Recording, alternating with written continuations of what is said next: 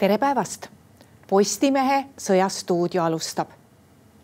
Ukraina sõja esimene aastapäev pani küsima, kui kaua veel. just täna hommikul avaldas ÜRO värsked andmed, millest nähtub, et ainuüksi tsiviilisikuid on Ukrainas selle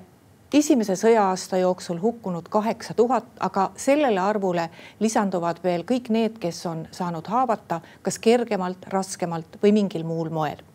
meil on stuudios julgeolekuekspert Martin Hurt, tere päevast. tervist. Martin Hurt, kui püüti ennustada, mida venelased võtavad ette selle sõja esimesel aastapäeval, siis äh, loomulikult äh, rindel lahingud käisid, inimesed hukkusid, aga midagi väga suurt Venemaa ette ei võtnud. miks, kas nad ei suuda?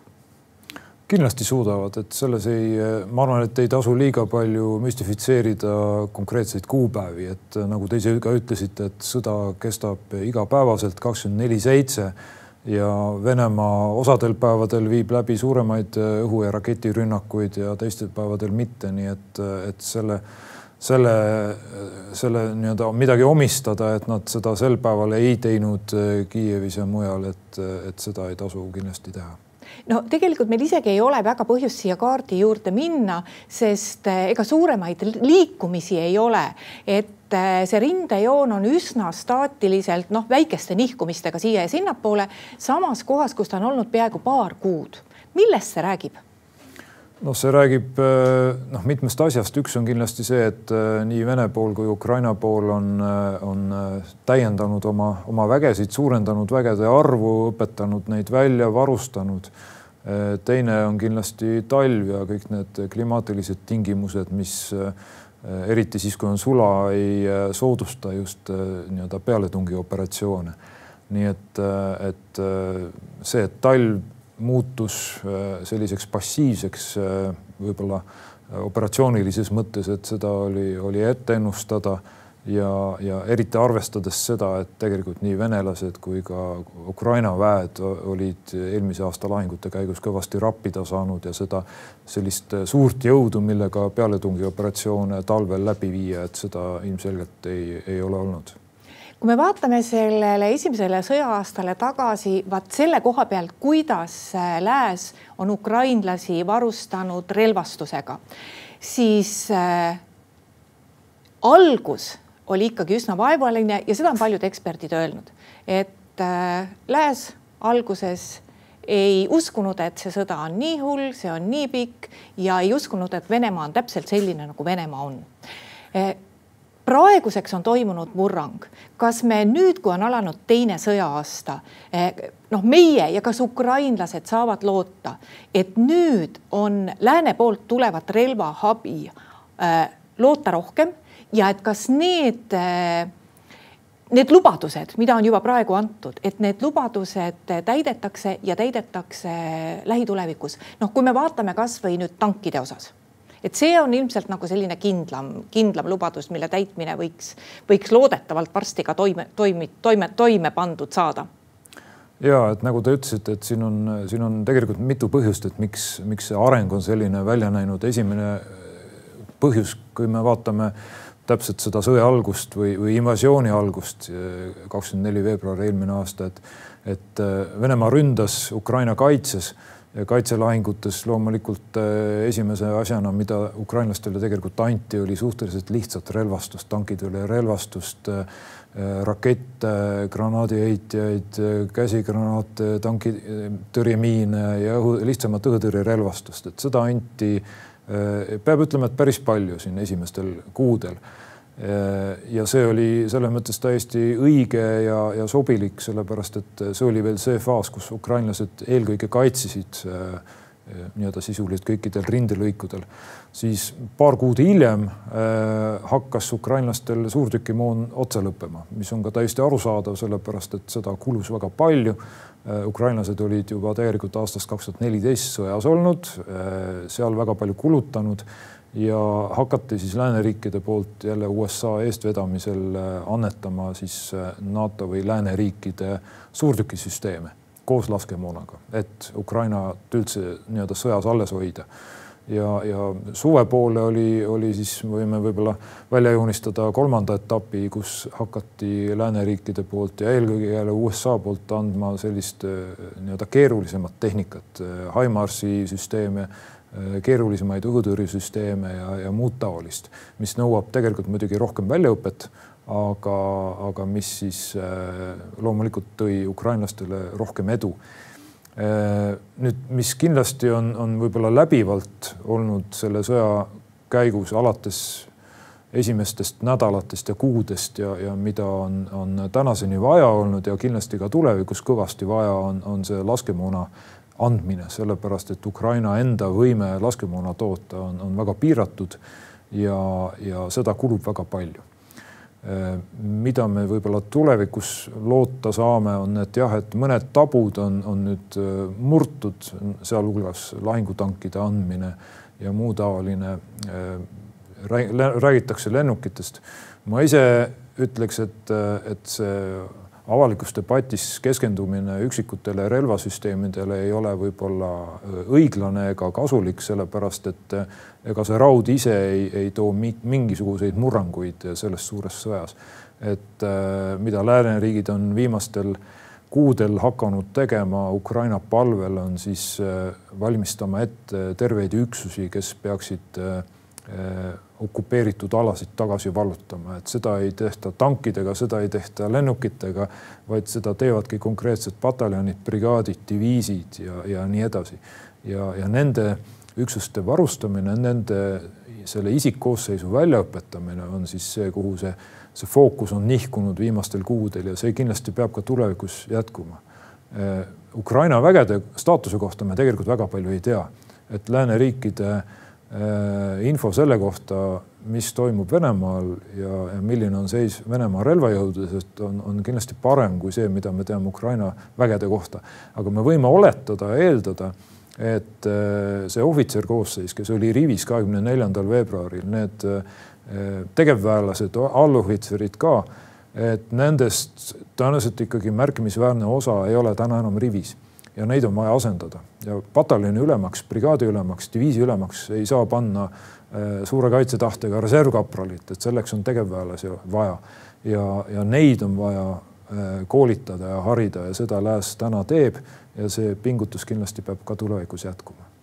No igasugused kokkulepped, mida tehakse ka relvastuse või muu abi osas, eh, noh, ütleme niimoodi, avalikkust teavitatakse selle kokkuleppe paraatpoolest et see ei ole sõjas kasulik eh, rääkida kõigist üksikasjadest, aga kui me avalikkuses eh, saame aru teinekord, et võib-olla see kokkulepe ja lubadus ei ole väga kindel, siis kui palju näiteks nende kokkulepete osas millest avalikkus midagi ei tea, eh, on kindlust, et kas ukrainlastel on seda kindlust, et nad saavad kasvõi oma kevadisi pealetunge planeerides arvestada, et üks või teine lääne abi on siis juba kohal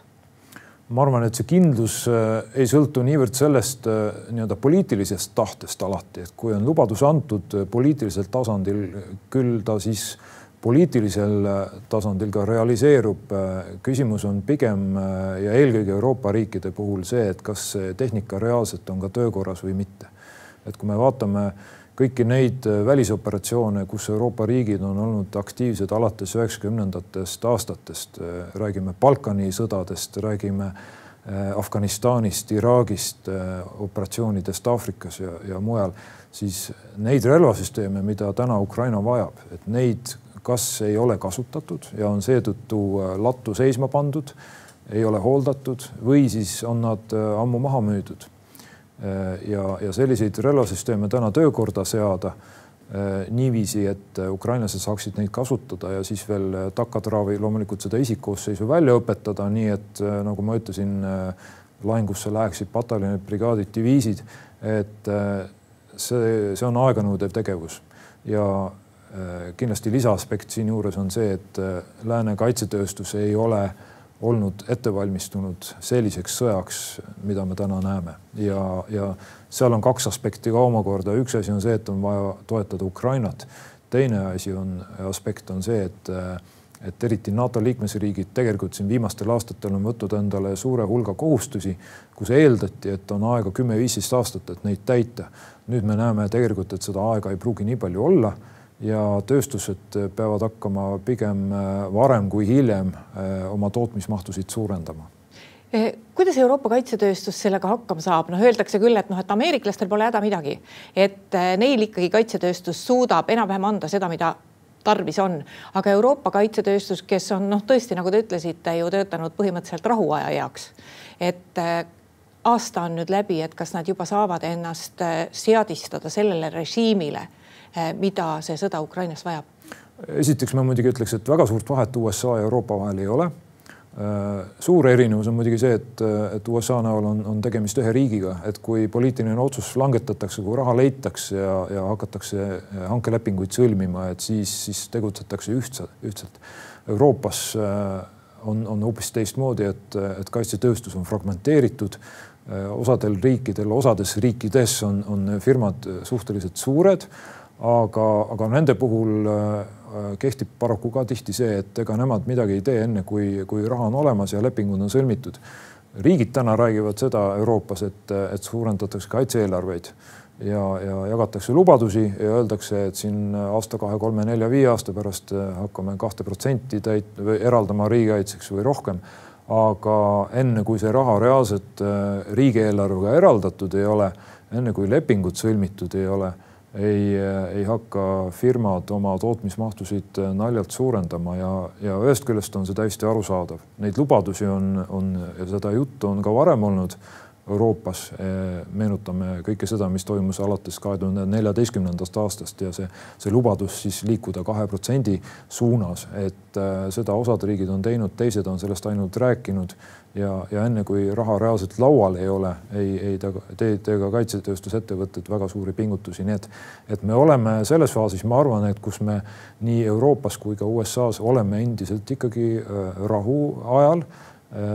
ja kaitsetööstusettevõtted on, on äh, vaatamas või, või tegemas ettevalmistusi tootmismahtude suurendamiseks. mis on puudu, ma ütleks nii USA-s kui Euroopas, on see, et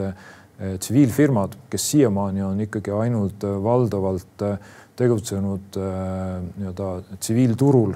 ja kes kaitseväele ei ole mitte midagi müünud, et nende rakendamine sõja vajaduste rahuldamiseks, et sellest on hakatud vaikselt mõnes riigis rääkima, aga reaalset samme ma võin öelda, et seda me küll näinud ei ole Euroopas ja, ja USA-s no karta on, et lääneriigid selles suhtes on relvastuse andmisel ikkagi suhteliselt ettevaatlikud, et alati on peas tagu, noh, tagumas seesama mõte, et ukrainlased ei saaks seal rindel nii võimsalt, et see tooks kaasa selle sõja eskaleerimise, eks see tooks veel võimsama vastutegevuse venelaste poolt vastu. et kus see piir praegu on, et, et kui palju lääneriike noh, takistab otsustamast ka seesama oht, et selle otsusega anda rohkem relvastust, võiksid nad initsieerida sõjategevuse muutumise palju-palju laiemaks ma arvan, et see, see viimane aasta on näidanud seda, et see, see kartus on olnud, on ülemäära, seda on võimendatud liiga palju. Venemaa loomulikult ähvardab ja ähvardab tuumasõjaga ja see tõenäoliselt on, on lükanud edasi vajalikke poliitilisi otsuseid äh, Euroopa pealinnades, et, et anda siis raskemat ja keerulisemat sõjatehnikat äh, Ukrainale ja ma arvan ka USA-s.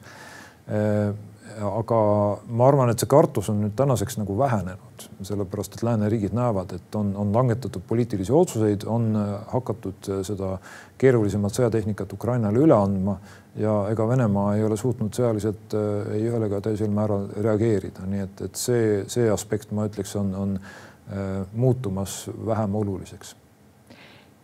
Kui läheb aktiivsemaks sõjategevuseks, kui palju me võime loota, me tahame ju loota paremat, kui palju me võime loota sellele, et ikkagi Ukraina on see, kes võtab vallutatud territooriume tagasi? no äh, kindlasti äh, tänase seisuga ma ütleks, et, et lääneriigid toetavad Ukrainat, annavad äh, nii, nii kvalifitseeritud sõjatehnikat kui ka laskemoona suurtes kogustes ja, ja õpetavad välja Ukraina vägesid.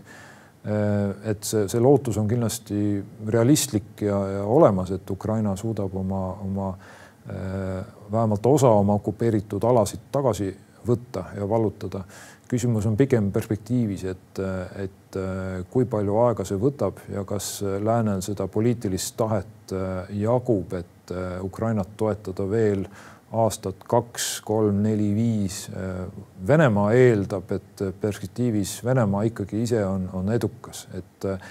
Venemaal ja, ja Moskvas ei mängi rolli, mitukümmend tuhat Vene sõdurit surma saab.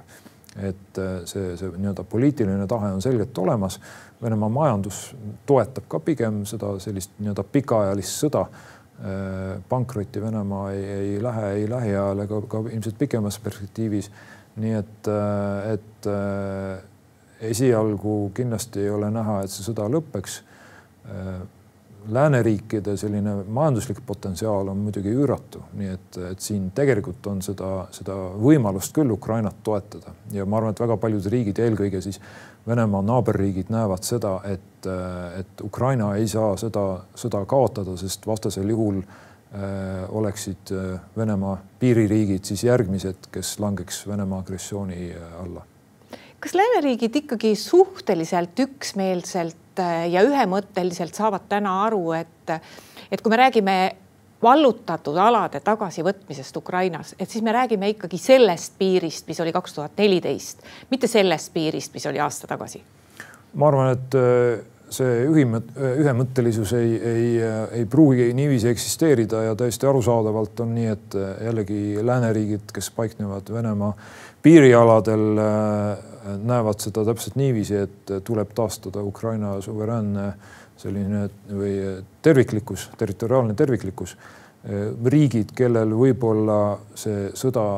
ei lähe niiviisi korda nagu meil. Äh, seda tingimata niiviisi ei näe, vaid loodavad pigem sellele, et, et see sõda ükskord lõpeb, et saaks jällegi majandus äh, pigem edasi areneda ja, ja, ja nii edasi. aga ma arvan, et, et äh, see aasta on näidanud seda ka tegelikult kõikidele riikidele, et siin lähiajal ei ole oodata, et, et normaalsed sellised poliitilised ja kaubanduslikud suhted Lääne ja, ja Venemaa vahel, et nad, nad siin taastuksid aga see lääs siiani on suutnud suhteliselt ühtselt äh, tegutseda ja käituda siis vahet ei ole, kas me räägime siis Euroopa Liidust või me räägime NATO-st ja, ja ka teistest samameelsetest riikidest, sellepärast et tegelikult selles nii-öelda lääne äh, Äh, nii-öelda koalitsioonis, kes toetab Ukrainat, on ju üle viiekümne riigi, et äh, sealhulgas äh, suhteliselt kauged riigid nagu näiteks Austraalia, et, et ma arvan, et perspektiivis on see, see tahe olemas, aga, aga et ma arvan, et Venemaa siin just nimelt ootab, et, et, et aastate jooksul see, see lääne tahe ja suutlikkus väheneb. kas Putin võiks meid lähikuudel millegagi üllatada? Ma arvan, et Putin saab meid alati üllatada, aga, aga me peame selles mõttes olema enesekindlad, et me, me oleme tegelikult tugevad. me saame seda sellist nii-öelda kerksust ja tugevust kindlasti parandada. et me ei sõltuks jällegi Vene energiast ja, ja Vene, Venemaa poolt müüdavatest teenustest ja, ja kaupadest. et me saaks ise toime tulla ja tegelikult, kui me vaatame ajalukku, siis Lääne-Euroopa külma sõja ajal ei sõltunud eriti märkimisväärsel moel Nõukogude Liidust, nii et see, see kõik on võimalik saavutada, sellel on, on oma hind, aga nagu me näeme, siis see hind, et, et sõltuda Venemaast, see võib olla palju suurem. nii et, et üllatusi Venemaa suudab kindlasti alati korraldada meile, iseasi on see, et kas, kas need üllatused meid kuidagimoodi rivist välja löövad või, või pigem mitte no Ukraina on äh, nagu oma sõprade ringi selle ühe aasta jooksul, mil see sõda väga intensiivselt on kestnud, sest noh, see ei ole ju tegelikult sõja algus aasta tagasi, et sõda algas ikkagi kaks tuhat neliteist, aga ütleme selle viimase aasta jooksul üsna selgeks teinud, kes on sõbrad ja kes ei ole sõbrad. aga kuidas Venemaa sõpradega on, et kas Venemaa on suutnud selle sõja aasta jooksul kindlustada endale vanad sõbrad ja, ja luua nendega ka ütleme selliseid täiendavaid kokkuleppeid, kes teda toetavad? Äh, ma arvan, et Venemaa ei ole olnud äh, lääne vaatevinklist äh, väga ebaedukas selles mõttes, et, et tal on, ta tugineb paariariikidele, sealhulgas äh, Iraanile ta üritab välja kaubelda laskemoona ja muud taot-, sellist materiaalset abi ka Hiinalt, Põhja-Korealt, Valgevenelt. et need on need sellised võib-olla riigid, kellele ta, ta seab suuri ootusi. aga siis on ka terve hulk riike maailmas, kes poliitiliselt ja, ja majanduslikult ei ole distantseerunud Venemaalt nii palju, kui lääneriigid seda sooviksid, näiteks India ja, ja terve hulk riike Lõuna-Ameerikas ja, ja Aafrikas, kus tegelikult Venemaa selline nii-öelda pealetung poliitilises ja majanduslikus mõttes ikkagi jätkub, et kui me vaatame neid välisoperatsioone, kus ka Eesti osales mõnda aega tagasi Malis ja, ja mujal Aafrikas, siis pigem on lääneriigid olnud need, kes on, on ennast tagasi tõmbunud ja, ja Venemaa ja eelkõige Hiina, kes on siis äh, nii-öelda edasi arendanud oma, oma äh, erinevaid suhteid nendes riikides, nii et äh, ma arvan, et sellele küsimusele vastates, kui ma istuksin Moskvas ja vaataks, kasutaks president Putini prille, siis, siis ma arvan, et venelasel Äh, tundub see olukord äh, tegelikult ikkagi palju parem kui, kui võib-olla lääneriikidele. aitäh, Martin Hurt, ühinemast meie saatega. ja aitäh ka kõigile neile, kes meid vaatasid. homme keskpäeval on eetris meie suur valimisstuudio, seda saab näha nii Postimehe portaalis kui Kanal kahes. aga neljapäeval lähme juba edasi tavaliste teemadega. Seniks lugege uudiseid postimees.ee